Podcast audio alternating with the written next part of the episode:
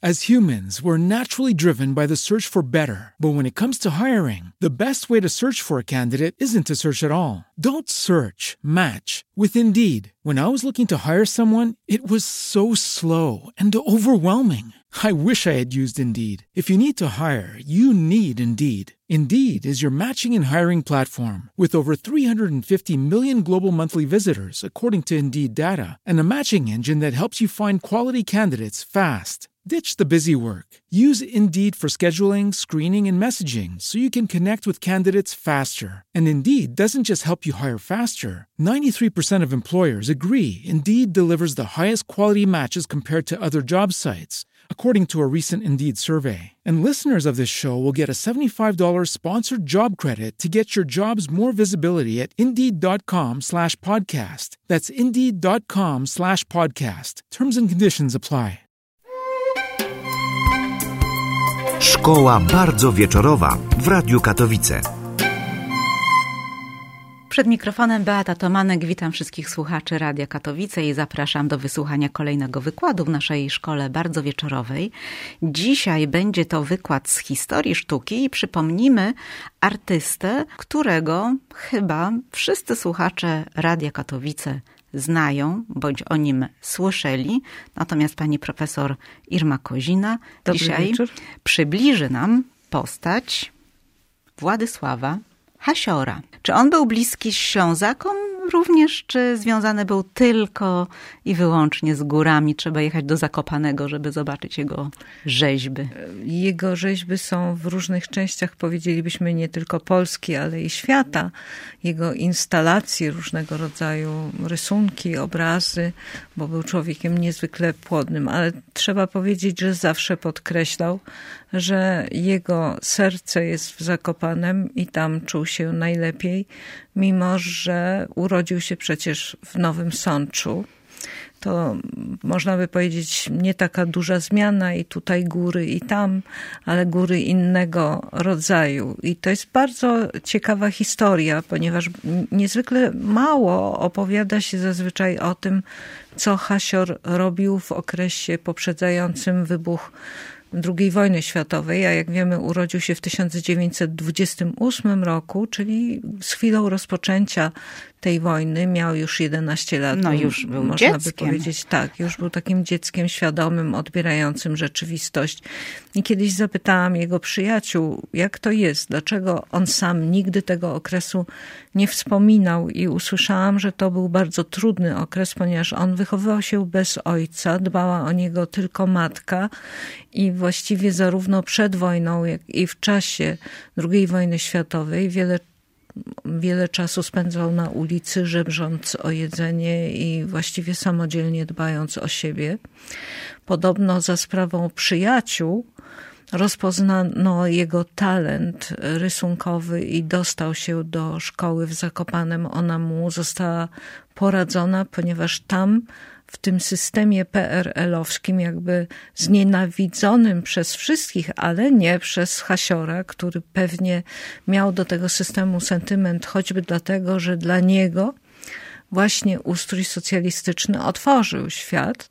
On dostał stypendium i mógł kończyć szkołę rzemieślniczą w Zakopanem, właściwie taką rzemieślniczo-artystyczną, tę słynną kenarówkę, a potem na tyle się rozwinął, że podjął decyzję o studiach w Warszawie na Akademii Sztuk Pięknych i to także było możliwe ze względu na jego chłopskie pochodzenie i ze względu na stypendia, które mu to umożliwiały. Więc tu trzeba powiedzieć, że będzie taki lekki konflikt między tym, co dzisiaj uważa się za sztukę przyzwoitą, produkowaną czy tworzoną przez artystów, którzy jednak sprzeciwiali się systemowi, a hasiorem, który niejako działał na rzecz tego systemu, chociaż był bardzo różny, bo nie trudno sobie przypomnieć, że działało bardzo wielu rzeźbiarzy w czasach PRL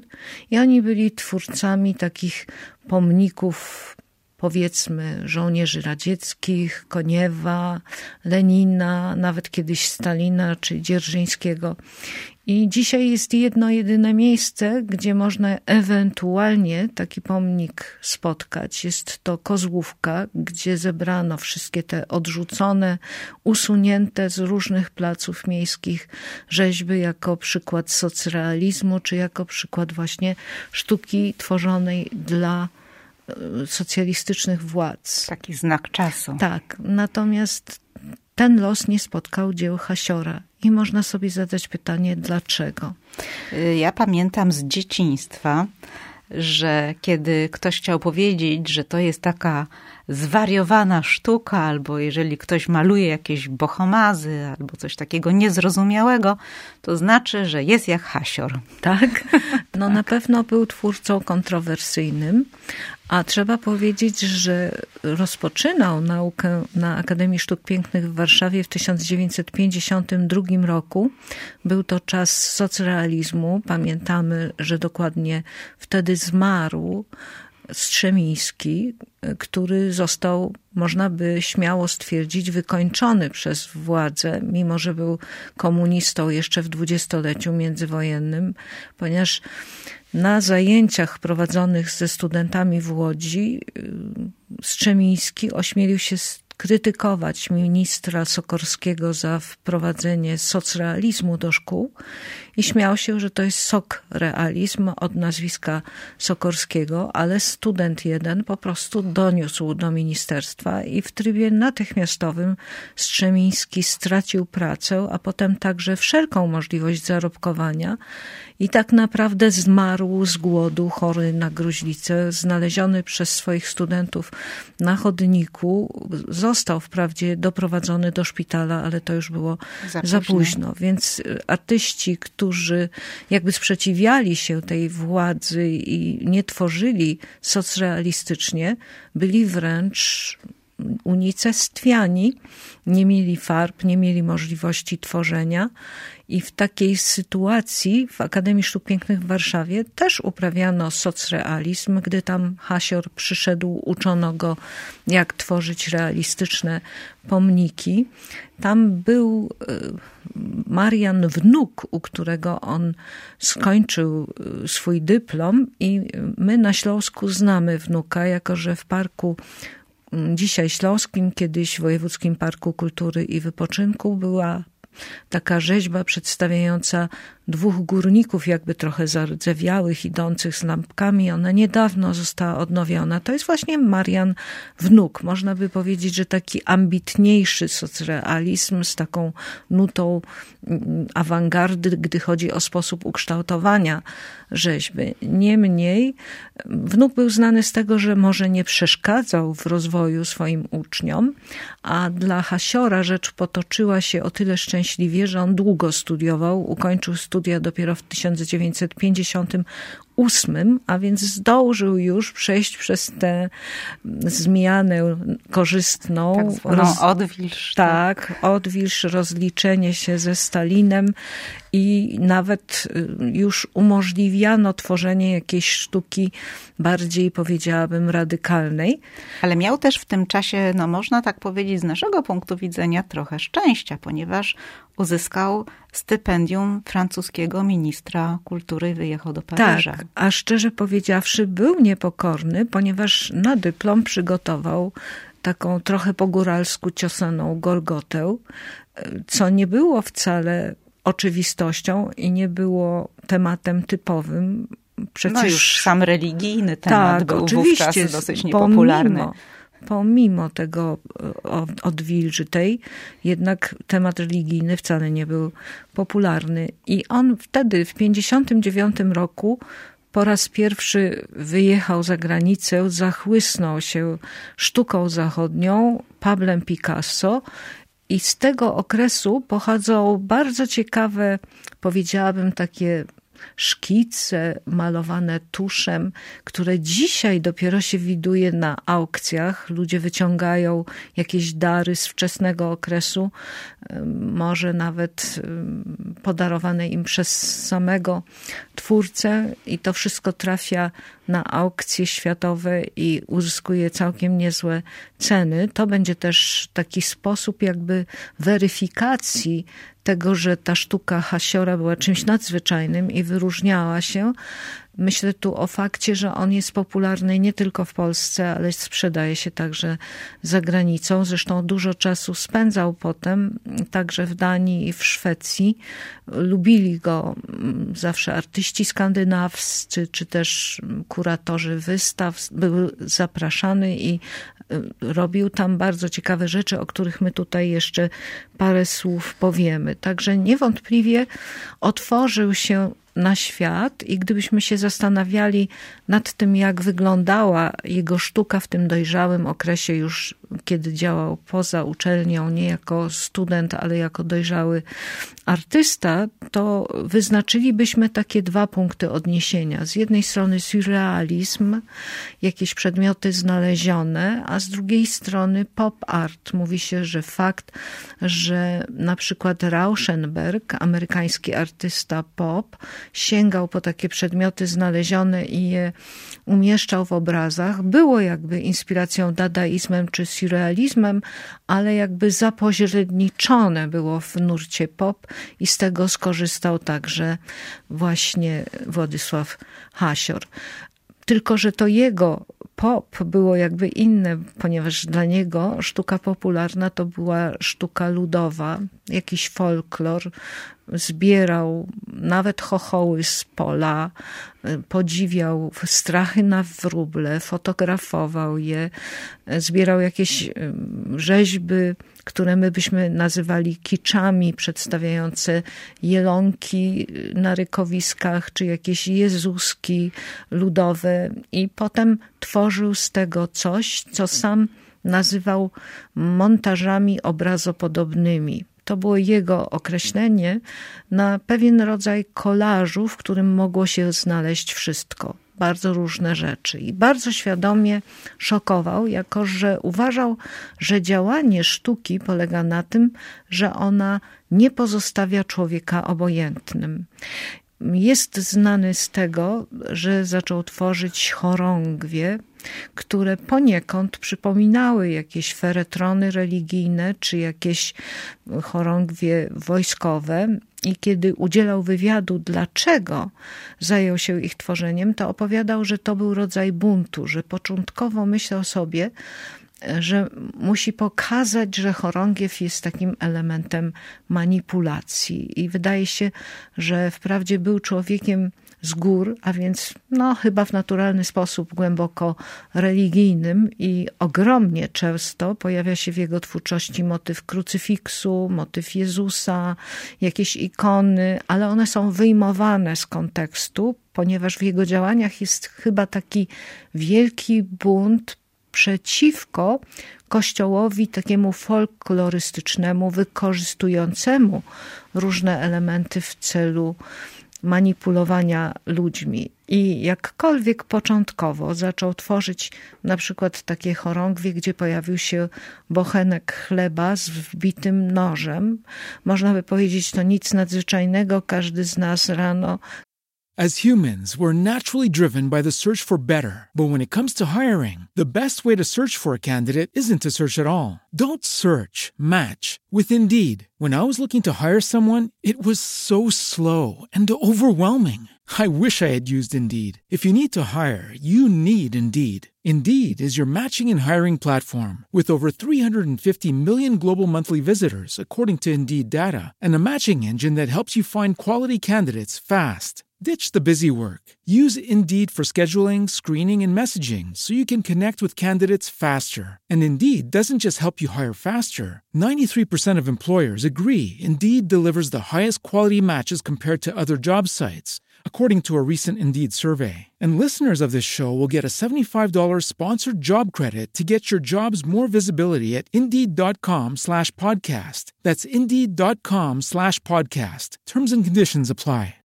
With Lucky Land slots, you can get lucky just about anywhere. Dearly beloved, we are gathered here today to. Has anyone seen the bride and groom? Sorry, sorry, we're here. We were getting lucky in the limo and we lost track of time. No, Lucky Land Casino, with cash prizes that add up quicker than a guest registry In that case, I pronounce you lucky. Play for free at LuckyLandSlots.com. Daily bonuses are waiting. No purchase necessary. Void were prohibited by law. 18 plus. Terms and conditions apply. See website for details. Gdy otwiera jakiś chlebak, to wyjmuje bochenek i zaczyna go kroić nożem. Tyle, że w przypadku tego chleba umieszczonego na chorągwi od razu mamy takie skojarzenie, to jest kościół, to jest feretron, to jest ciało Chrystusa i to jest tak jakby Hasior wbijał nóż w Chrystusa samego. Zresztą zdarzały się i takie instalacje, w których rzeczywiście krucyfiks, krucyfiks był przebijany przez niego nożem. Więc była jakaś taka wola buntu przeciwko konwencjom, poszukiwanie własnej drogi, uwalnianie się od pewnych stereotypów, także takich, które zostały mu niejako mm, zaprogramowane czy zostały mu przekazane przez jego przodków i przez kulturę, w której się wychował, właśnie taką kulturę wiejską, kulturę ludową. A czy był on zrozumiany w swoim czasie, kiedy no, tworzył? To były myślę, lata że 60., 70. Chyba nie, dlatego że zachowały się wspaniałe nagrania z programów telewizyjnych, gdzie on się godził być takim, powiedziałabym, wystawionym na publiczną debatę artystą i podczas takich telefonów y, na żywo wprowadzanych w telewizji zadawano mu bardzo trudne pytania, na przykład dlaczego on stosuje te bochenki chleba. Jeśli ktoś kupi takie dzieło, to przecież ten bochenek się zaraz rozsypie, spleśnieje i że to jest oszustwo takie. A on na to odpowiadał, to nie jest oszustwo, tylko sztuka efemeryczna. Ważne jest to przeżycie, które się zrodzi w momencie, kiedy my zaczynamy posiadać to dzieło, a potem już jakby dalszy byt tego dzieła nie jest wcale zagwarantowany i absolutnie jego działania nie są oszustwem, tylko świadomym tworzeniem rzeczy, które nie są trwałe, bo nie mają takie być, ponieważ nie mają być pomnikami. Ale trzeba przyznać, że pomimo tego jakby niezrozumienia, właśnie Hasior, jak nikt inny, dbał o swoich odbiorców i można to zaobserwować w momencie, kiedy urządzono takie święto kwitnącej jabłoni w Łącku, on tam, mm, można by powiedzieć, porozumiał się ze strażakami ze Straży Pożarnej i oni nieśli te jego chorągwie artystyczne w takich procesjach, jakby to były jakieś albo oznaki regimentów wojskowych, albo właśnie procesje z feretronami urządzane przez Kościół. Potem jeszcze zrobił tam taką instalację z ptaków, które zapłonęły i wszyscy, którzy brali udział w tej uroczystości mieli takie wrażenie, że im dostarczono ogromnie dużo emocji. I tak było zawsze nawet gdy tworzył, powiedzielibyśmy, dzieło komunistyczne, bo przecież na górze Snoska w, Kluszkowcach, to jest niedaleko Czorsztyna, stoi taki pomnik, który ma nazwę właściwie dzisiaj nie do przyjęcia, bo jest to pomnik postawiony poległym w walce o utrwalanie władzy ludowej. To był pomnik wykonany w 1966 roku. I w późniejszych już latach, wprawdzie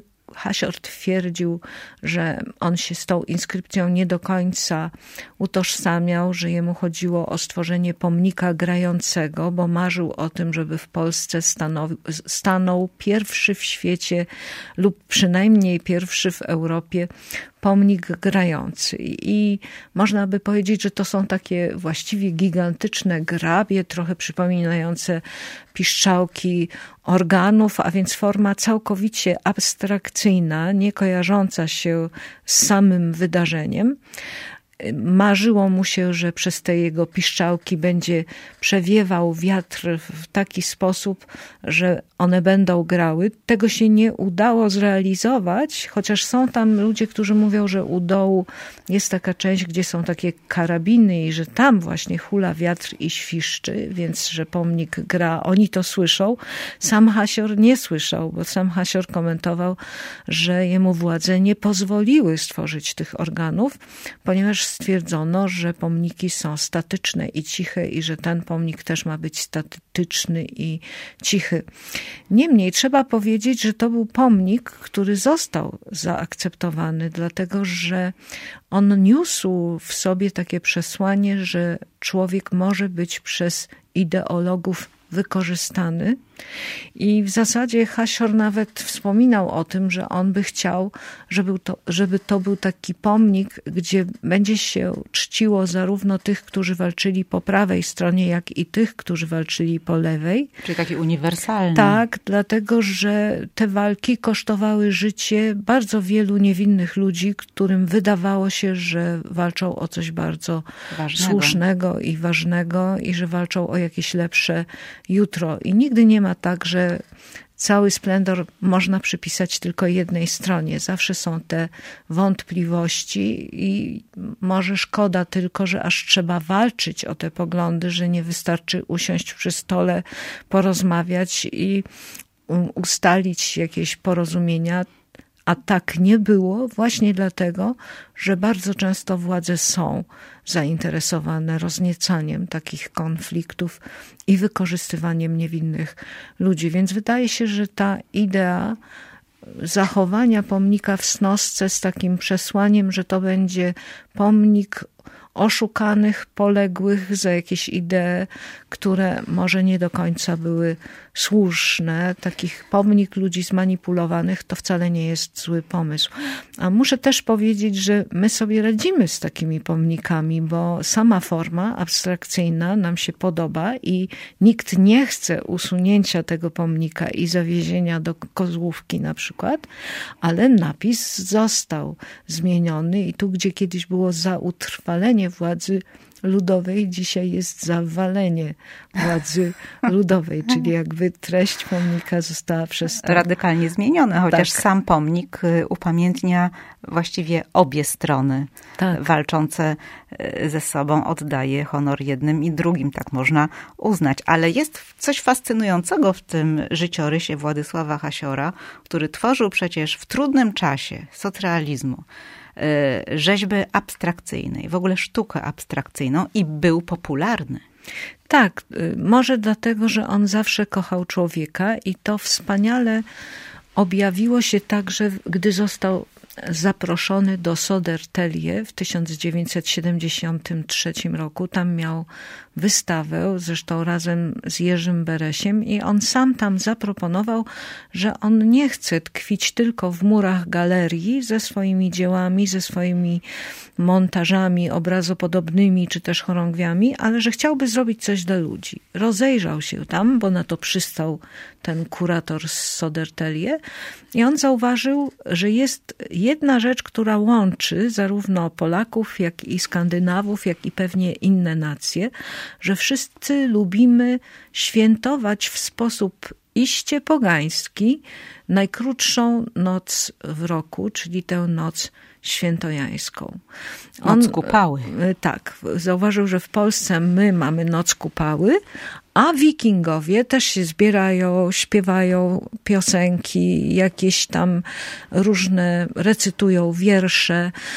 Więc on postanowił dać temu oprawę i przygotował takie bardzo dziwne konie ze skrzydłami, ale te konie są z takiego specjalnego okresu w jego życiu, mianowicie on tworzył coś, co nazywał wyrwane z ziemi. I gdy tłumaczył, o co mu w tym chodzi, to mówił, że pamiętał z okresu wojennego to, jak traktowano ciało człowieka, który był wrzucany do dołu, posypywany wapnem i tworzono mu taką mogiłę właściwie anonimową, ponieważ tyle tych ciał w czasie wojny się nagle ni stąd, ni zowąd pojawiało w różnych sytuacjach. I też wzruszył się, bo oglądał obóz w Auschwitz, to też y, miał taką metodę tworzenia posągów, zwłaszcza które były poświęcone jakimś bardzo ważnym chwilom w życiu ludzkości, które powstawały tak, że on kształt wykopywał w ziemi, zalewał betonem, który miał jakiś tam szkielet mm, stalowy i potem wyciągał, czyli jakby wyrywał te rzeźby z ziemi. To tak jakby pochować kogoś i jednak wyrwać z powrotem do życia. I on rozejrzał się w Sodertelie, tam znalazł w okolicach takie rysunki z wozami bojowymi wikingów z czasów neolitów i stworzył te konie jako takie trochę nawiązanie do rysunków wikingów. Już sama ta uroczystość wydobywania, wyrywania tych rzeźb z ziemi, to było wielkie przeżycie. A jeszcze potem w noc kupały te konie zapłonęły, ponieważ on tam e, dał takie rynienki z paliwem. On bardzo lubił żywioł ognia i rzeczywiście bardzo często używał tego w swoich rzeźbach.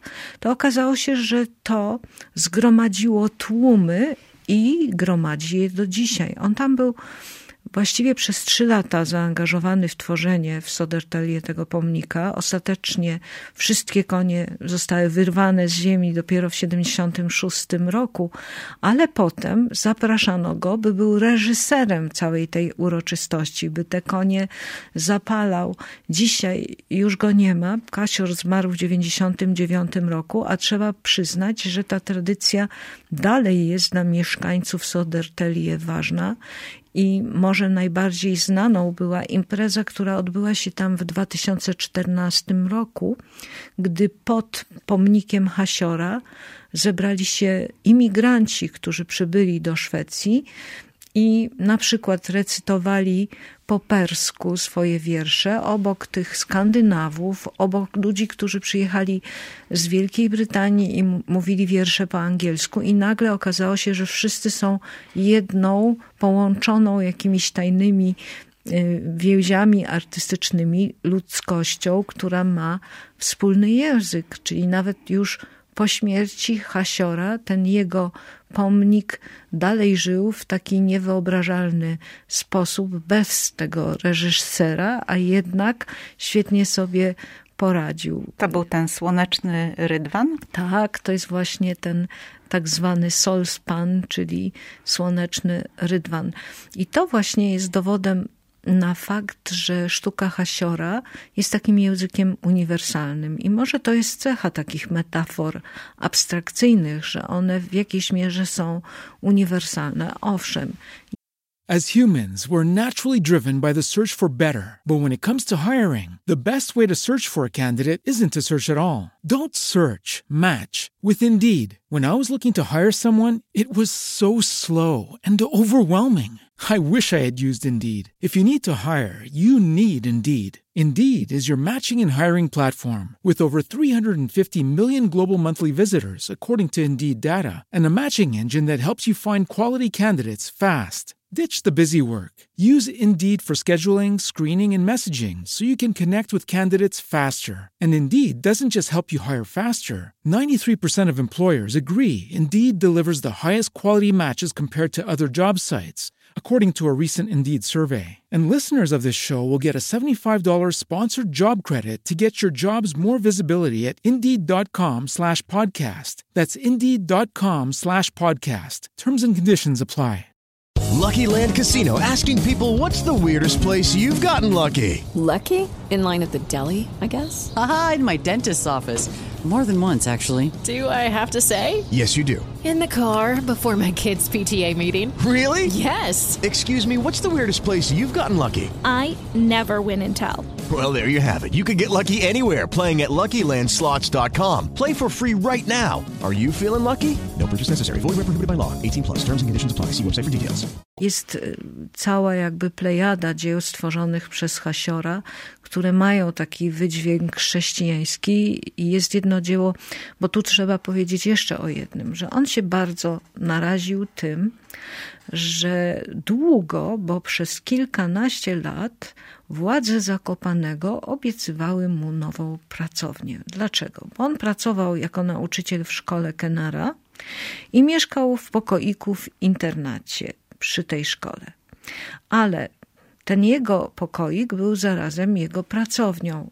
I bardzo często było tak, że same władze Zakopanego składały wizytę z jakimiś oficjelami w tej pracowni i potem mówiły do Hasiora, no pan, panie magistrze sztuki, przyjmuje tutaj naszych gości, ale te pana pomieszczenia się do tego nie nadają. My się wstydzimy, bo dzieła sztuki są wspaniałe, ale ta oprawa jednak nie. Więc jakby władze same wystąpiły z tą inicjatywą, żeby on pracownię dostał. Wybrano takie miejsce, mianowicie taką leżakownię, która służyła osobom chorym na gruźlicę do tego, żeby tam wystawiać się na słoneczko na leżakach. Wyremontowano to, tylko że akurat remont powiązany z wystawą przypadł na pierwsze miesiące 1982 roku, a jak pamiętamy, to był czas stanu wojennego. Ponieważ Hasior od kilku lat przygotowywał się do tej wystawy, on nie chciał z tego zrezygnować. Dla niego to było spełnienie oczekiwań sprzed kilkunastu lat. I chyba też trzeba powiedzieć, że on nie utożsamiał władz Zakopanego z Wojciechem Jaruzelskim. Słowem, raczej czuł się w tej swojej małej ojczyźnie obywatelem Zakopanego i nie identyfikował się z PZPR, zresztą nigdy do partii nie należał, ale jednak środowisko artystyczne było bardzo nieżyczliwe temu, że on zgodził się w tych czasach nie dość, że urządzić wystawę, wtedy gdy wszyscy bojkotowali życie artystyczne, ale jeszcze, że przyjął tę pracownię. On to zrobił i chyba zrobił dobrze, bo przez długie lata potem był jakby kustoszem tego miejsca. Pozwolono mu tam mieszkać, ale jednocześnie musiał konserwować dzieła, które podarował państwu, które dzisiaj są warte setki tysięcy, bo wartość tych dzieł stale wzrasta, a on przecież je przekazał całe na użytek czy wszystkie na użytek społeczności Zakopanego. Więc z dzisiejszego punktu widzenia nie oceniamy tak krytycznie tej decyzji, chociaż niewątpliwie z jej powodu Hasior był prześladowany. I on sam zwykł opowiadać o jednym swoim dziele, mianowicie jest to taki krucyfiks, najwyraźniej może nawet jakiś XIX-wieczny, wyrwany z jakiegoś krzyża, który został mu kiedyś podarowany i on go użył, by stworzyć taką kompozycję z wotami, ale owe wota to są medale, które dostawał od władz PRL za różnego rodzaju tam dokonania jako bohater pracy socjalistycznej i jeszcze inne jakieś tam krzyże zasługi. Krzyże zasługi, tak. No i, i, o ile ci sekretarze nie mogli tego znieść i przychodzili tam i mówili, pan sobie tu kpi z nas, z władzy, skoro pan y, wiesza to u stóp Chrystusa, a potem po tej zmianie Znowu wszyscy mówili, pan tutaj sobie kpi z nas, z władzy, skoro nie wstydzi się pan, pan tych medali, się. prawda?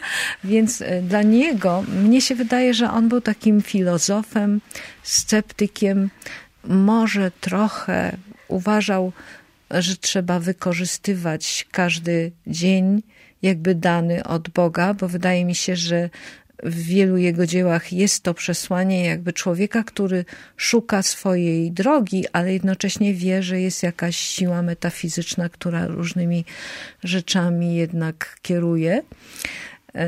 Nie mam przesłanek ku temu, by tak sądzić, ale w jego dziełach jest zawsze ogromna ilość odniesień do wiary chrześcijańskiej, więc myślę, że to był taki temat, który był stale żywy dla niego, ale jednocześnie wydaje mi się, że on poszukiwał prawdy i to poszukiwanie prawdy powodowało, że on jakby odrzucał wszelkie manipulacje, także te manipulacje religijne, partyjne i każdego innego rodzaju. No można zawsze... powiedzieć, że on po prostu szedł własną drogą. Tak, zawsze był wierny sobie i to go daleko zaprowadziło, ponieważ rzeczywiście te lata 60. i 70. XX wieku to jest taki złoty okres Hasiora, kiedy po, e, powstaje bardzo wiele różnych dzieł. Można przytoczyć choćby tych jego gości. Otóż on mm, kompilował rzeczy znalezione i ów gość to jest krzesło, na, który, na którym on usadził takiego chochoła zrobionego ze słomy. I my się zastanawiamy, kim jest ten gość ze słomy, czy jest to chochoł, który nagle ożył i z pola trafił Przyszedł. do domu, czy też może jest to ten polski chochoł, bo przecież chochoły nawet u Wyspiańskiego odgrywały bardzo ważną rolę jako e, takie miejsca, gdzie coś ukrytego ożyje wraz z przebudzeniem wiosny. Na pewno ta symbolika stosowana przez Hasiora była bardzo wieloznaczna i w niej jest dużo takich lęków człowieka, to można też odczytać z dość wczesnego takiego przedstawienia na kartce papieru. Czerwone tło i namalowana tuszem postać leżąca w polu, postać męska, młodego mężczyzny, trochę tak stylizowana, jak to robił zazwyczaj Picasso, także można tutaj odnaleźć wpływy Pabla Picasso, a u góry na niebie śmiejące się samoloty i jakieś kule armatnie. I to wszystko powodowało y, strach u tego człowieka, który próbował się chronić. Może to jest aluzja do tych wczesnych lat, kiedy niejednokrotnie Hasior na niebie widział te płonące ptaki, niekoniecznie samoloty i ten motyw płonącego ptaka to znowu będzie rzecz, która się pojawi w jego twórczości. W dwóch miejscach dzisiaj mamy takie pozostałości w postaci takich pomników skomponowanych z wielu ptaków. Wszystko zaczęło się w Szczecinie, kiedy miał tam wystawę i znowu wystąpił z taką inicjatywą, że on na podzamczu jeszcze coś zrobi, że nie tylko w samej galerii, ale będzie to zapraszało ludzi, będzie informowało, tu jest coś ciekawego. I takie wesołe rzeźby z metalu, z różnego rodzaju odrzutów stalowych stworzył, które pomalował na kolorowo i one utworzyły taki szereg ptaków, które oczywiście zapłonęły, bo jak zwykle znalazła się tam rynienka, w której umieszczono paliwo i one mogły w nocy zadziałać w sposób taki niezwykle ekspresyjny. Czyli ogniste ptaki. Ta, tak, to były te ogniste ptaki, ale potem to był 75 rok. Dwa lata później już dostał zlecenie na pomnik, na pomnik y, poległym za polskość i wolność Pomorza w Koszalinie. I on znowu użył ten motyw ptaka, tylko że te 14 ptaków z koszalina to były takie już ptaki, powiedziałabym, bardziej groźne, poważne, monumentalne. Znowu zapłonęły, ale tam nie w takiej wesołej atmosferze, tylko tam już byli harcerze, wojsko i już była to taka wielka uroczystość. I mm, to było tak, że ten pierwszy ptak jakby wyrywał się tak trochę już do lotu, zanim cały szereg następnych ale ten pierwszy ptak został zdemontowany i zabrany i okazuje się, że Hasiora to wcale nie zmartwiło. Jak on się dowiedział o tym, że ta rzeźba została uszkodzona, bo mu tam przyjaciele z Koszalina donieśli, to zamiast się martwił, powiedział, Cieszy mnie to bardzo, że ktoś tak zdemontował. Widocznie mu się to tak podobało, że chciał koniecznie. No, była to jakaś mieć. reakcja na tak, sztukę. Tak. Szkoła bardzo wieczorowa w Radiu Katowice. Proszę Państwa, dzisiaj w Szkole Bardzo Wieczorowej naszym gościem jest pani profesor Irma Kozina, historyk sztuki, związana z Akademią Sztuk Pięknych w Katowicach i w Krakowie. A przypominamy postać wielkiego artysty, jakim był Władysław Hasior. Czy on dzisiaj jest zapomnianym artystą, czy... Nie, wręcz przeciwnie. Na przykład bardzo wielu wybitnych, y, można by powiedzieć najbardziej y, mających wpływ na polską scenę artystyczną y, kolekcjonerów, najbardziej wpływowych kolekcjonerów, zbiera jego sztukę i oni sami opowiadają, że bardziej opłaca się jakby zdobyć dzieło Hasiora gdzieś za granicą, bo ludzie, którzy dostali od niego jakieś dzieła w Szwecji czy w Danii, nie znają ich prawdziwej wartości i jakby wystawiają na aukcję i pozbywają się. I tam można za nie zapłacić nieco mniej, jako że w Polsce to jest ten złoty okres Hasiora. Teraz? I tak, i kolekcjonerzy wykupują natychmiast wszystko, co się pojawi, zwłaszcza jeżeli to są dzieła z lat 60. i 70. XX wieku, bo ten okres uważa się za najbardziej płodny w jego twórczości. Czy ta sztuka się zestarzała? Czy sztuka abstrakcyjna ma to do siebie, że jest bardziej uniwersalna? Muszę powiedzieć ze zdziwieniem, że bardzo wielu badaczy sztuki współczesnej fascynuje się Hasiorem. Ta sztuka wydaje się do nich właśnie przemawiać, także dzisiaj ten Hasior jest czytany na nowo i okazuje się, że on ma takie uniwersalne przesłania, które dla tego młodego, nowego pokolenia są dzisiaj bardzo ważne. Czyli tę sztukę można oglądać.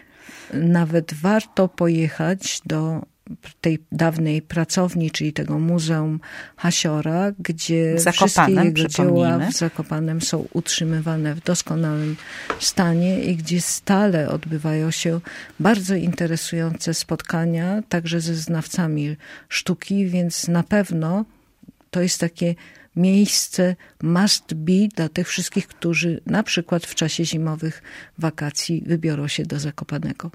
Poza tym y, warto też przypomnieć, że y, rzeźby Władysława Hasiora, część z nich ma charakter plenerowy. W związku z tym wystarczy pojechać do Koszalina, do Szczecina, do, do Zakopanego. Zakopanego tak, do Nowego Sącza nawet i tam się je znajdzie.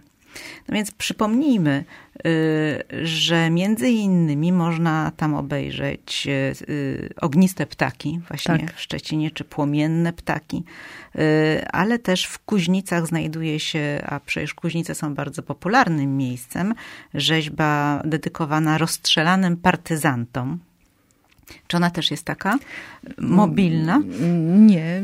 On właściwie Owszem, stworzył też rzeźby kinetyczne, na przykład miał taką rzeźbę, która wyobrażała wózek dziecięcy i tam była ziemia w środku i krzyże wbite i świece.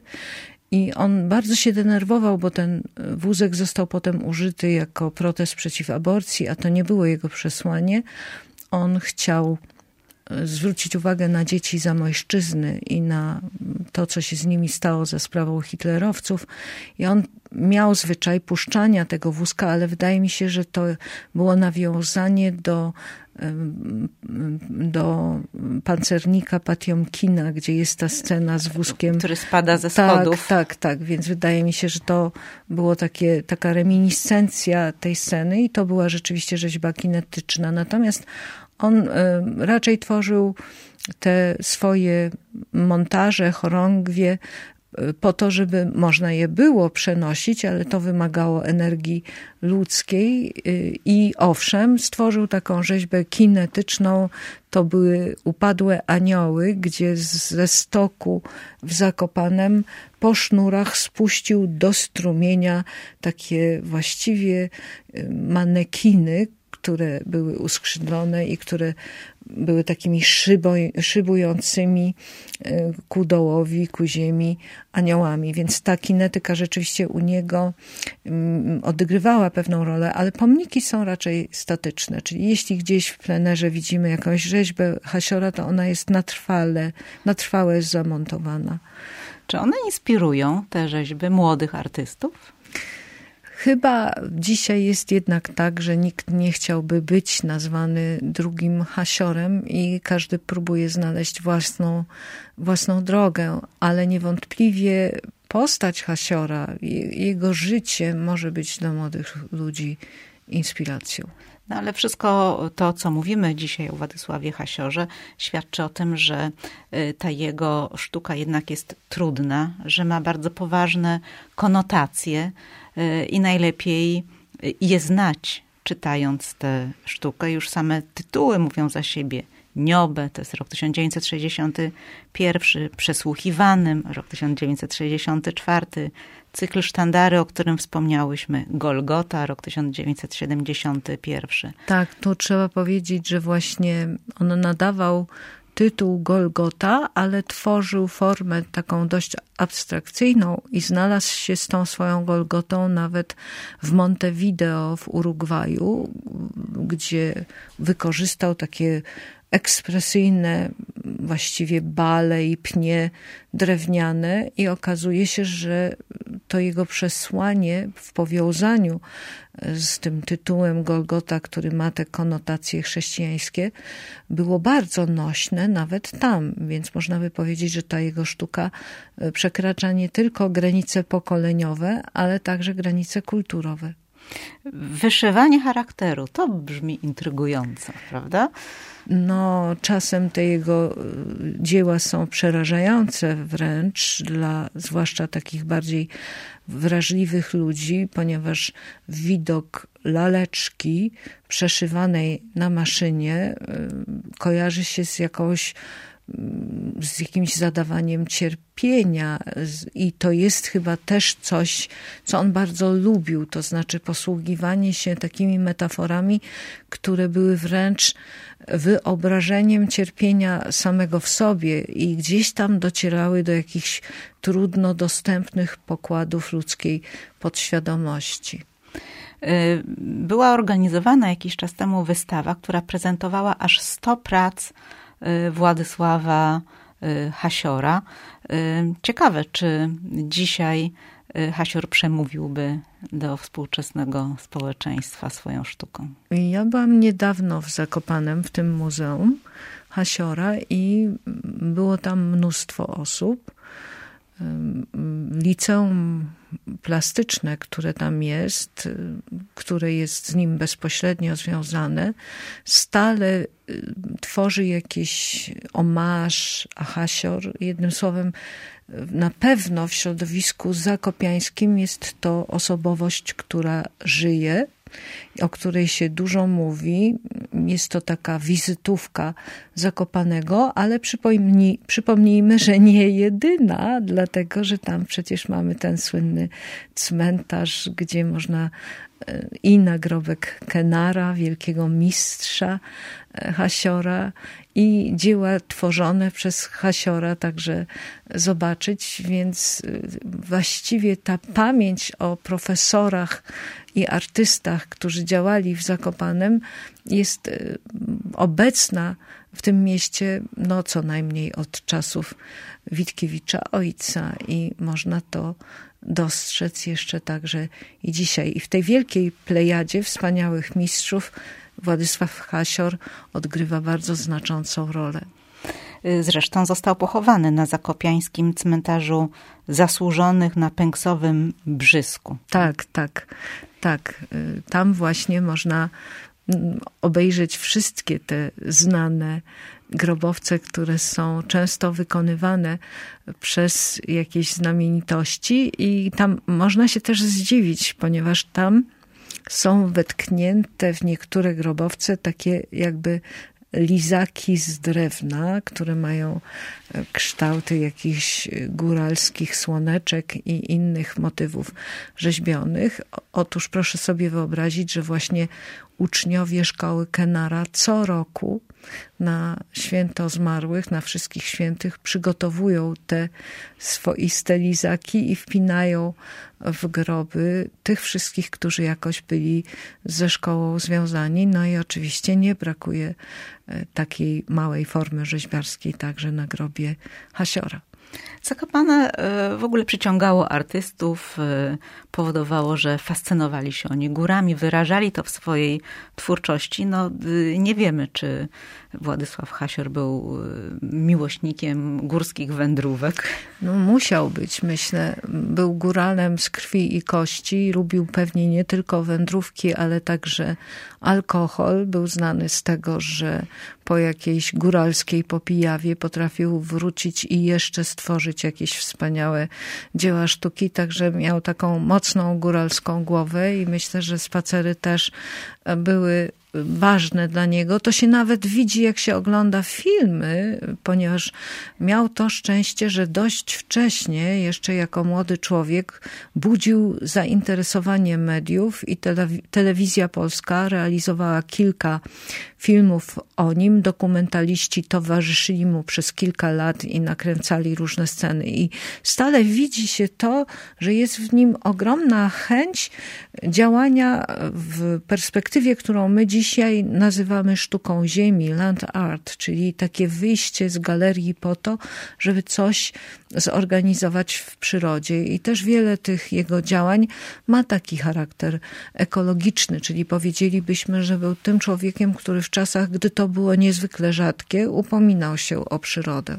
Ale też można powiedzieć, że prowadził coś w rodzaju takiego e, publicznego dyskursu o sztuce, prawda? Prowokując właśnie tak, rozmowy. Tak, i chyba nie przejmował się tym, że w księdze zwiedzających przeczytał czasem taki napis Panie Hasior, wziąłby się pan do roboty, bo to jest wszystko niezrozumiałe, co pan tutaj e, robi, ale jednocześnie obok takiego wpisu pojawiał się inny, w którym ktoś wyrażał uznanie, że artysta stworzył coś nietuzinkowego, co wzbudziło emocje, dotarło do widzów. Także można by powiedzieć, że był kontrowersyjny, ale także balansował na dwóch biegunach. Z jednej strony tych, którzy go rozumieli i cenili, z drugiej strony tych, którzy uznawali, że sztuka współczesna jest niezrozumiała i że najlepszym tego przykładem, przykładem jest twórczość Hasiora właśnie.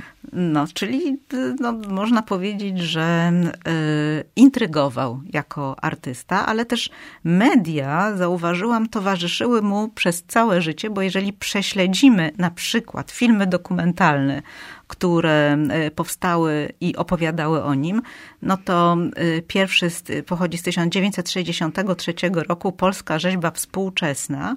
E, przypomnijmy, że Władysław Hasior umarł w 1999 roku, tak. a jeszcze rok wcześniej został zrealizowany film Nie buduje już pomników, tak, dosyć tak. znaczący tytuł, tak. a później powstały po śmierci jeszcze dwa – będzie wciąż ogromniał w reżyserii Lucyny Smolińskiej i Mieczysława Sroki i z 2019 roku, czyli stosunkowo niedawno powstał ten film Hasior Inaczej. To znaczy, że nie ma go, ale ciągle żyje. Tak, ja muszę powiedzieć, że właśnie w zeszłym roku, 2022, e, byłam świadkiem premiery polskiej filmu, który nakręcono o nim w Szwecji, w Sodertelie. Także można by powiedzieć, że wciąż powstają nowe filmy o Hasiorze, w których wykorzystuje się zarówno to, że istnieją jego dzieła, jak i to, że zachowało się wiele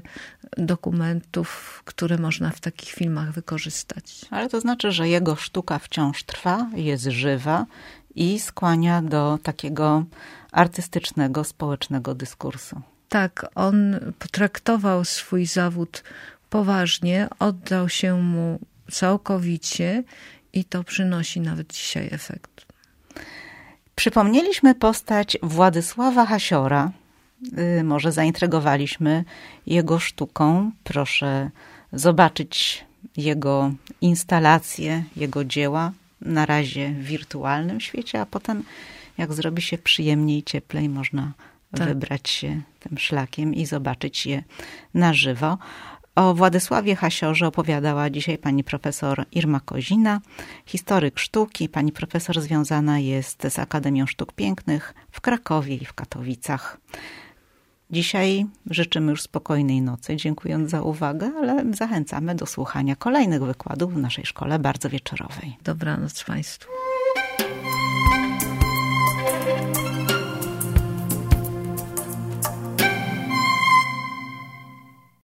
As humans, we're naturally driven by the search for better. But when it comes to hiring, the best way to search for a candidate isn't to search at all. Don't search, match with Indeed. When I was looking to hire someone, it was so slow and overwhelming. I wish I had used Indeed. If you need to hire, you need Indeed. Indeed is your matching and hiring platform with over 350 million global monthly visitors, according to Indeed data, and a matching engine that helps you find quality candidates fast. Ditch the busy work. Use Indeed for scheduling, screening, and messaging so you can connect with candidates faster. And Indeed doesn't just help you hire faster. 93% of employers agree Indeed delivers the highest quality matches compared to other job sites, according to a recent Indeed survey. And listeners of this show will get a $75 sponsored job credit to get your jobs more visibility at Indeed.com slash podcast. That's Indeed.com slash podcast. Terms and conditions apply.